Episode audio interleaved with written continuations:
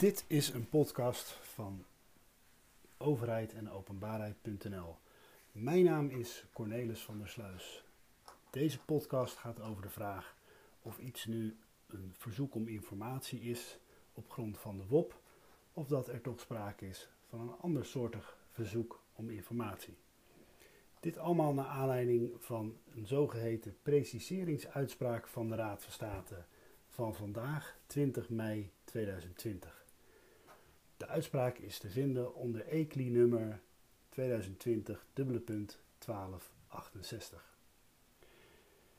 Aan de orde was een verzoek om informatie van een betrokkenen aan het college van burgemeester en wethouders van de gemeente Rotterdam.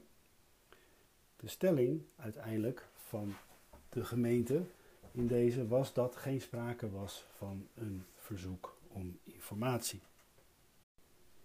Dit dus ondanks het gegeven dat verzoeker expliciet de WOP als grondslag had gebruikt voor zijn informatieverzoek.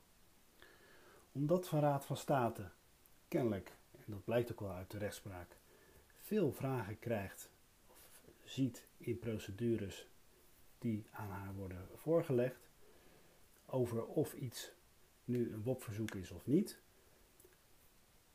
voelt zij zich gedwongen om ten behoeve van de rechtspraktijk een duidelijke uitspraak te doen over wat nu precies als WOP-verzoek kwalificeert en wat niet.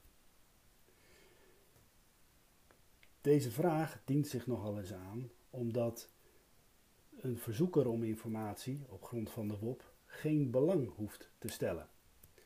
Dat maakt dus dat een ieder kan vragen om informatie bij de overheid over welk onderwerp dan ook. En dat zijn eigen betrokkenheid of eigen belang daar niet bij relevant is.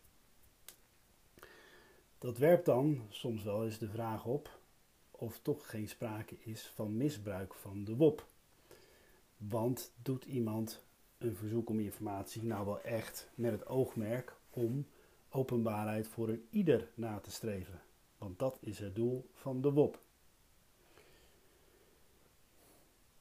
Dat maakt dan ook dat de Raad van State, onder verwijzing naar andere rechtspraak, duidelijk maakt dat ondanks het gegeven dat het belang van iemand niet relevant is, het doel en het oogmerk van de verzoeker, volgens de rechtspraak tot nu toe, wel relevant kan zijn voor de vraag of sprake is van een WOP-verzoek. De Raad van State voelt zich dus gedwongen om de rechtspraak wat te preciseren en somt duidelijk op, onder 5.6 en verder in de uitspraak, hoe een bestuursorgaan een verzoek om informatie nu precies moet analyseren.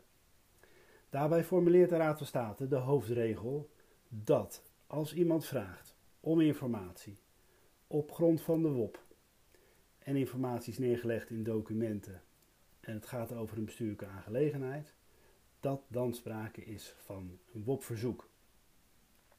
Het feit dat iemand het vraagt omdat hij daar een heel specifiek eigen belang bij heeft, of omdat hij het vraagt omdat hij een procedure heeft lopen tegen een bestuursorgaan, hetzelfde bestuursorgaan of een andere partij, maakt niet dat het geen sprake is van een WOP-verzoek. Ook enkel het gegeven dat de informatie ook mogelijk te verkrijgen is via bepaalde procesrechtelijke regelingen. We kennen bijvoorbeeld artikel 7.4 van de Algemene Wet Bestuursrecht. Of de mogelijkheid om informatie op te vragen via het wetboek van burgerlijke rechtsvordering. Zie in artikel 843a bijvoorbeeld, waarover een aantal blogs en artikelen zijn verschenen op de website. Ook dat maakt niet dat bij voorbaat al gesproken zou kunnen worden van dat een verzoek om informatie geen BOP-verzoek zou zijn. Op deze hoofdregel formuleert de Raad van State een aantal uitzonderingen. En die uitzonderingen die zijn uh, drieledig. Het kan zijn dat zo'n verzoek om informatie toch geen WOP-verzoek is, als dat blijkt uit de aard van het verzoek, de inhoud van het verzoek of de uitlatingen van de verzoeker waaruit blijkt dat hij toch geen WOP-verzoek heeft beoogd in te dienen.